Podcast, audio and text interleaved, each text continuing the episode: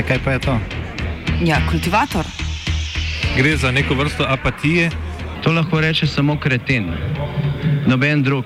Socialni invalid in ga je ne mogoče urejati. Drugi kandidat. Pa, eh, pa pije, kadi, masturbira, vse kako hoče, lahko počne. Nihče tega ne ve. Vsak petek skultiviramo dogodek tedna. Lahko po kriterijih radio študent, težko pa po evropskih kriterijih. Ampak na drug način, kot vi tu mislite. Kultivator vedno užge. da pač nekdo sploh omenja probleme, ki so in da pravzaprav sploh nekdo sproži dogajanje uh, v družbi. To drži, drži. Mednarodne sile so v Afganistanu kot kirurgi, ki izrežejo rakast kot tkivo in obdržijo vitalne organe nepoškodovane. Tako nekako se je glasil zapis v priročniku ameriške vojske ob okupaciji Afganistana. Skoraj 20 let po začetku ameriško vodene okupacije obubožane srednjeazijske države se zdi, da je okupacija uničila še preostanek vitalnih organov države, ki je tako rekoč v vojnem stanju že vse od invazije Sovjetske zveze ob koncu 70-ih let prejšnjega stoletja.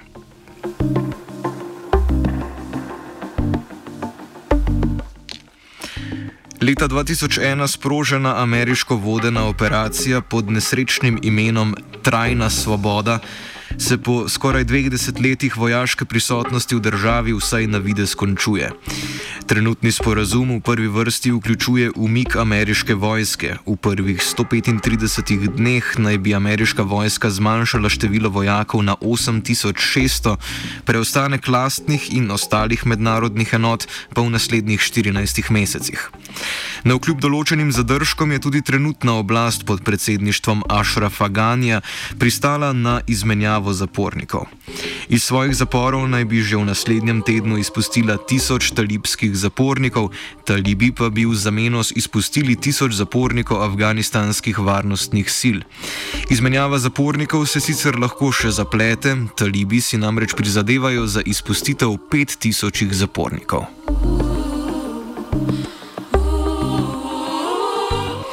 Osrednji pogoji Združenih držav v dogovoru zadevajo vzpostavitev trajnega premirja napadov strani talibov, prekinitev sodelovanja talibov s katerokoli organizacijo, ki bi potencialno ogrožala ZDA, in talibsko sodelovanje v notranje državnih pogajanjih, ki naj bi se začela 10. marca v norveški prestolnici pod nadzorom Združenih držav, Nemčije, Indonezije in delegacije Združenih narodov.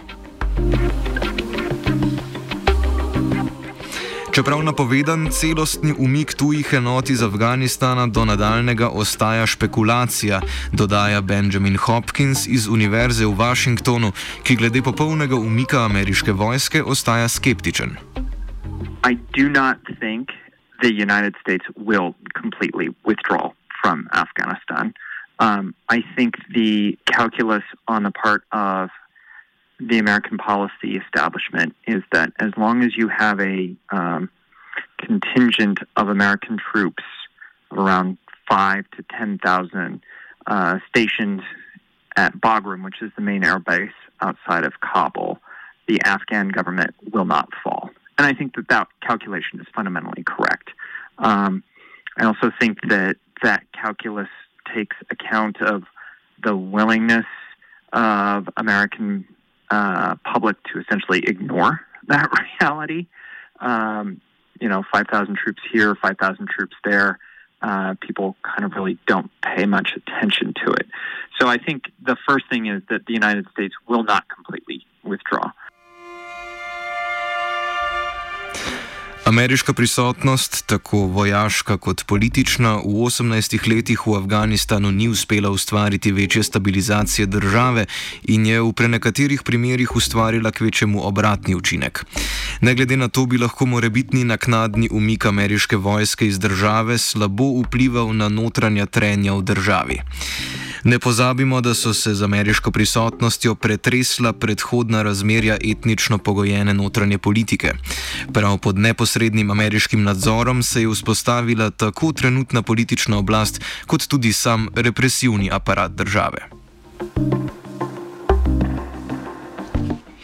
V tem kontekstu bomo pred podrobnejšo predstavitvijo točk sporazuma izkoristili priložnost in kratko preleteli ameriško delovanje v Afganistanu. Ameriško-evropski projekt v Afganistanu moramo v prvi vrsti razumeti kot vojaški projekt. Ameriške oblasti in projektu privržene NATO članice, med katerimi je tudi Slovenija, so se v preteklih 18 letih pogosto posluževale retorike, s katero so želele poudariti protiteroristične, humanitarne in prodemokratične razloge za nasilno okupacijo države. Tezo, da gre skoraj izključno le za vojaški projekt, nam dobro predstavijo številke porabe sredstev. Raziskovalec Vasja Badalič, ki je v času ameriške okupacije več let obiskoval Afganistan, nam v svoji knjigi Teror trajne svobode naniza podatke porabe mednarodnih sredstev za Afganistan med letoma 2001 in 2012. Skupni znesek je leta 2012 znašal 557,1 milijarde ameriških dolarjev. Od tega je bilo 467,7 milijarde dolarjev namenjenih za ameriško vojsko, kar pomeni, da so Združene države v projektu širitve demokracije v Afganistanu za vzdrževanje ameriške vojske namenile slabih 84 odstotkov vseh porabljenih sredstev. Skupni znesek, ki je prišel v roke Afganistana, je v tem obdobju znašal 89,4 milijarde ameriških dolarjev, kar predstavlja 16 odstotkov vseh porabljenih sredstev. Do tega odstotka moramo še vedno vzdržati določeno distanco, večina teh sredstev je prišla v roke članov kolaborantskega represivnega aparata. Sredstva, ki so bila vsaj formalno namenjena civilnim in humanitarnim projektom, predstavljajo le slabih 7 odstotkov celotne porabe. Predstavljena statistika porabe sredstev je vendarle iz leta 2012. V zadnjih osmih letih okupacije so se ameriški stroški okupacije podvojili in tako trenutno že krepko presegajo tisoč milijard ameriških dolarjev. Vsekakor je to zgolj goli znesek neposrednih stroškov. Benjamin Hopkins povdarja, da so celotni stroški drastično višji. Ti po najvišjih ocenah dosegajo 6000 milijard ameriških dolarjev. This war has uh, received direct congressional allocations, meaning the money that Congress actually has said we are going to spend this war, of $1.2 trillion up to this point. The actuarial costs of the war, which means the payment that we have to give to the fact that we have a lot of wounded as opposed to dead veterans. Um, we've had to replace military equipment. Uh, just you know all the things associated with the war, we're probably looking at a six trillion dollar with a T, six trillion dollar price tag. Ninety-five percent of that is on borrowed money, largely from overseas bondholders. Inflation adjusted, that makes the war in Afghanistan the most expensive war in American history, more expensive than the Second World War. And the public is totally disengaged from that. That will have lasting consequences, not only for the American public, but for American allies uh, as well, because that money's been spent. That money can't be spent doing other things.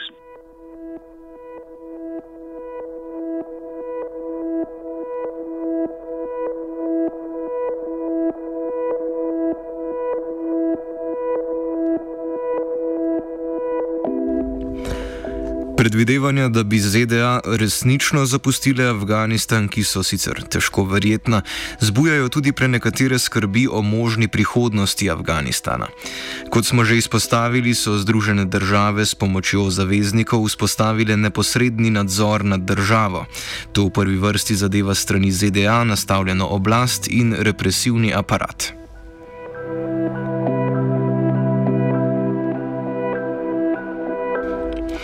Ob začetku okupacije so se s podpisom vojaško-tehničnega sporazuma ameriški in drugi tuji vojaki lahko prosto premikali po afganistanskem ozemlju, samostojno izvajali vojaške akcije, zapirali afganistanske državljane brez utemeljenega suma in dokazov in, kar je najpomembnejše, pri tem so prejeli tudi polno imuniteto pred afganistanskimi sodnimi institucijami.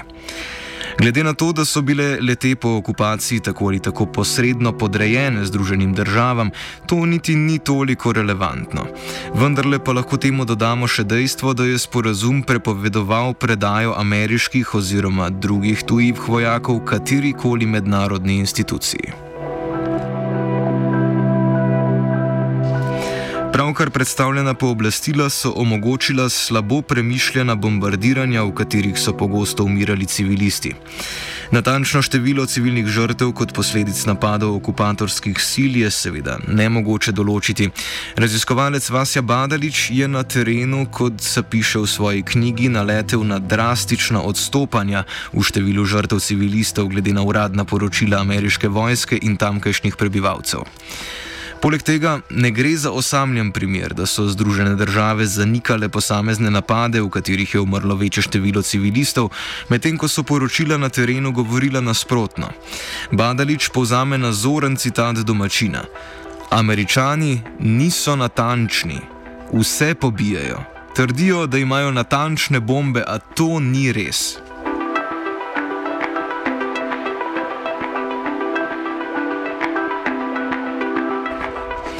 Prav tako moramo izpostaviti še številne nerazumljive aretacije domačinov, ki pogosto dajejo vtis popolne naključnosti.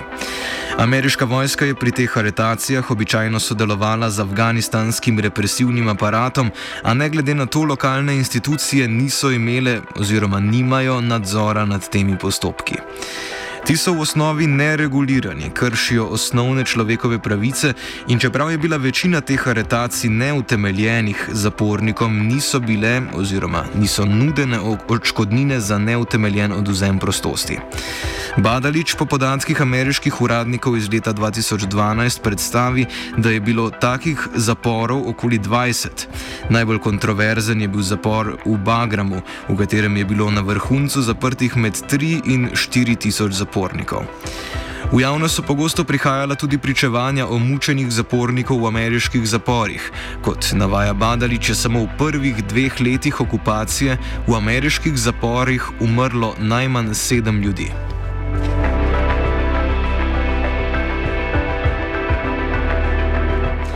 Vsekakor to ni bil edini način zapiranja afganistanske populacije. V veliki meri je aretacije izvajal kar sam afganistanski represivni aparat, pri katerem so bila mučenja pogostejša. Medtem ko so američani vzpostavili lastne zapore in imeli lastne zasliševalne postopke in metode, so druge tuje sile postopek zasliševanj raje, bolj diskretno, kar v celoti prenesle na afganistanski represivni aparat. Tega je med drugimi izvajala kanadska vojska.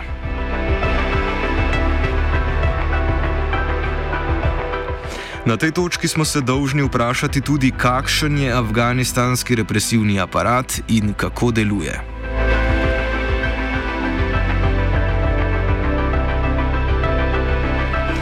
Med letoma 2002 in 2008 so Združene države za ustvarjanje afganistanske državne vojske namenile okoli 14 milijard ameriških dolarjev. Njena številčnost je bila predvidena na 20 tisoč vojakov, do leta 2008 pa je ta narasla na slabih 80 tisoč. Glede na izrazite medetnične tenzije v državi je bila že v samem začetku prisotna ideja po vzpostavitvi državne vojske, ki bi etnično sestavo afganistanske vojske skušala čim bolj približati realnim razmerjem etničnih skupin v Afganistanu. Tamkajšnja vojska dolgo ni dosegla realne odslikave etničnih razmeri populacije. Najbolj privilegirani pri rekrutiranju v vojsko so bili Tadžiki. Privilegiranost Tadžikov se je izkazala tudi pri pridobivanju najvišjih položajev v afganistanski vojski in policiji. V obdobju ob začetku okupacije so Tadžikom podeljevali tudi najviše položaje v politiki. Več v ustvarjanju aktualne politične elite v Afganistanu pa pove Badalič. po invaziji, ameriški invaziji na Afganistan, so na oblast prišle te milice iz tega nekdanjega severnega zavezništva. V tem severnem zavezništvu so bile te različne skupine, iz tađiške etnične skupnosti, iz uzbeške etnične skupnosti, tudi paštunski nekateri poveljniki so bili v, v tem zavezništvu. In ti ljudje, ne ti gospodari vojne, so prišli na oblast s pomočjo američanov in so zasedli vse ključne položaje v politiki, tudi v gospodarstvu in pa tudi predvsem v represivnem aparatu, ne tako v policiji kot tudi v vojski. In problem je, da imamo v bistvu dve vrste oblasti ne, v Afganistanu. Ena je ta, recimo ta formalna oblast, državna oblast, te ljudje, ki eh, zasedajo pač funkcije v parlamentu, v ministrstvih, ne pač predsednik. Na drugi strani pa imamo uh, te gospodarje vojne, ki še vedno delujejo po posameznih uh, provincah. Gospodarje vojne, ki imajo še vedno tudi svoje lastne milice, uh, to so nekakšne par vojaške enote sedaj. Uh, In ti gospodari vojne imajo tudi svoje te eh, prihodke, ne, imajo se ukvarjajo z trgovino z drogo predvsem ne, in imajo kot nek svoj paralelni svet, paralelno oblast, ne, nasproti tej državni oblasti. Ne. Tako da problem je v tem, ne, da je ta oblast potem precej fragmentirana in tudi zaradi tega ne, bo potem težko se uh, s talibi dogovarjati, ne, ker uh, kdo, ne, kdo ne bo zdaj iz, iz te skupi, vseh teh skupin, teh gospodarjev vojne, tisti, ki bo predstavljal recimo to vladno stran in pa to, rekel, paravojaško stran. Ne. Recimo najbolj, najbolj močnejšimi bi rekel je ta Mohamed Nur, to je gospodar vojne iz severa Afganistana, tačiški gospodar vojne. Uh, on je zelo močna figura, potem uh, recimo Abdul Rashid Dostum, to je pač gospodar vojne iz uzbeške skupine, ne, Eh, tako da to so tisti lideri. Zdaj, kar se pa tiče predsednika Ašrafa Gani, Ganija, on je pa pač uh, je relevanten zgolj zaradi tega, ker ga američani podpirajo. Leta 2008 je okupatorskim silam postalo jasno, da niso uspešne v vojaškem krotenju talibskih sil, ki vse do tega trenutka paradoksalno z vsakim letom spopadov postajajo močnejše oziroma vzpostavljajo nadzor nad vse večjim ozemljem Afganistana. Okupatorske sile so prišle do zaključka, da morajo okrepiti afganistansko državno vojsko. Pri tem lahko morda zgolj kot zanimivost dodamo podatek, da je bilo leta 2005 80 odstotkov vojakov v državni vojski nepismenih. Z letom 2008 Tako pride do izrazitih ukrepov na področju večanja afganistanske vojske. Ta je tako že leta 2010 narasla na 150 tisoč vojakov, vojska se z letom 2008 ob veliki širitvi razširi tudi po etnični ravni, pri čemer se je v veliki meri povečevalo število paštunskih vojakov. Kar je posledično, glede na paštunsko povezavo z gibanjem talibov, privedlo do bolj pogostega dezerterstva v afganistanski vojski.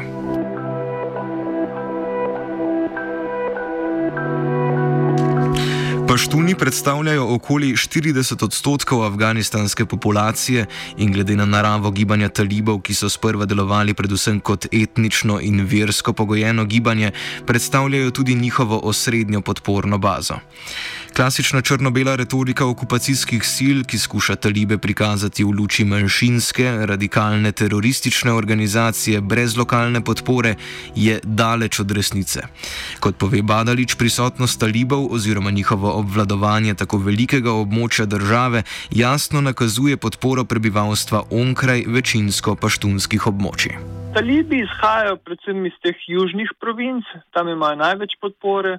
Potem mislim, da imajo kar precej podpore tudi v teh vzhodnih provincah. Zdaj, vse te province so res paštunske province. In mislim, da v veliki večini je to še vedno uh, paštunsko gibanje. Vendar, uh, kot smo videli v zadnjih letih, so talibi so uspeli vzpostaviti tudi v severnih provincah. Uh, Dosti krat se zgodi tudi to, ne, da v tistih uh, območjih na severu, kjer so se vzpostavili talibi, so dejansko paštunske območja, ki so na severu, ne, tako da so tudi tam našli podporo. So pa uspeli talibi v svoje vrste rekrutirati tudi člane drugih etničnih skupin, tudi tađike, tudi uzbeke. Zdaj ta uh, rekel, ideologija, ne, ki talibi pripadajo, ne, je ta, da pravijo, da so te etnične razlike med Afganistanci nepomembne v primerjavi s tem, ne, da so pač vsi muslimani. Ne, se pravi, islam, vero postavljajo nad etnično pripadnostjo. Ne, se pravi, kljub vsemu, da so različnih etničnih skupin, islam je tisto, kar jih združuje v tem boju proti tujemu okupatorju. Ne. Na ta način je talibom, mislim, da uspelo v manjši meri sicer uh, vključiti uh, v svoje gibanje tudi druge, druge etnične skupine. Vendar, recimo, če pogledamo pač uh, to uh, vodstveno strukturo talibov, tam so vedno paštuni v zelo veliki večini ne, in veliko krat so to predvsem paštuni iz južnih, južnih provinc. Ne. Tako da jaz mislim, da v veliki večini je to še vedno paštunsko gibanje. Morebiten zaplet pri naslednji fazi dogovorov, ki bodo potekali med talibi in afganistansko vlado, bo morda izhajal tudi iz trenutne notranje politične nestabilnosti. Vse od razglasitve rezultatov, rezultatov predsedniških volitev v prejšnjem mesecu sta se v Afganistanu tako Arša Afgani kot Abdullah Abdullah oklicala za predsednika države.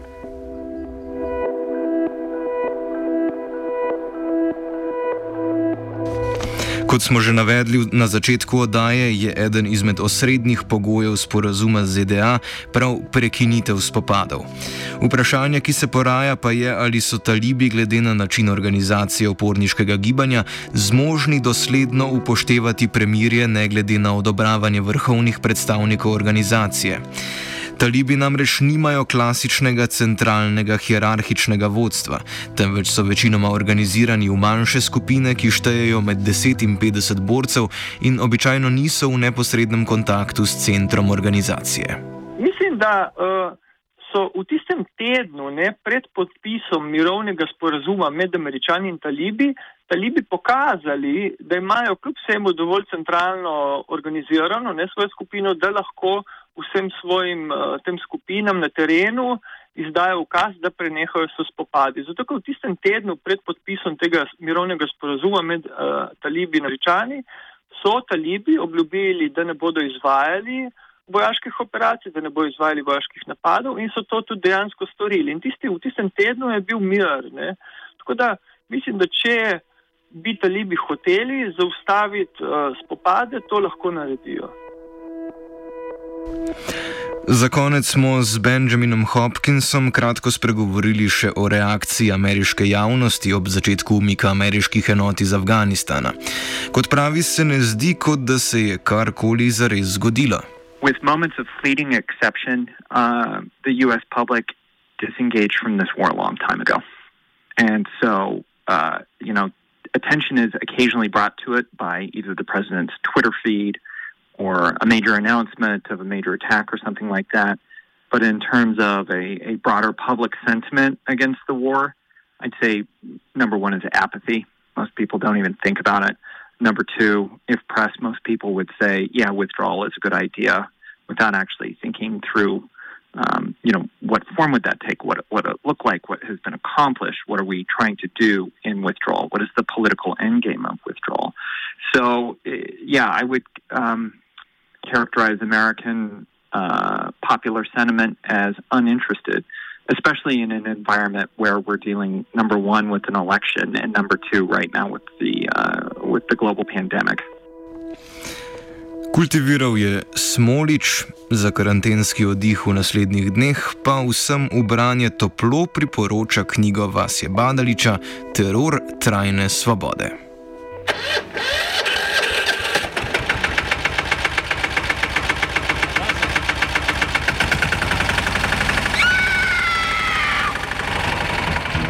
E, kaj pa je to?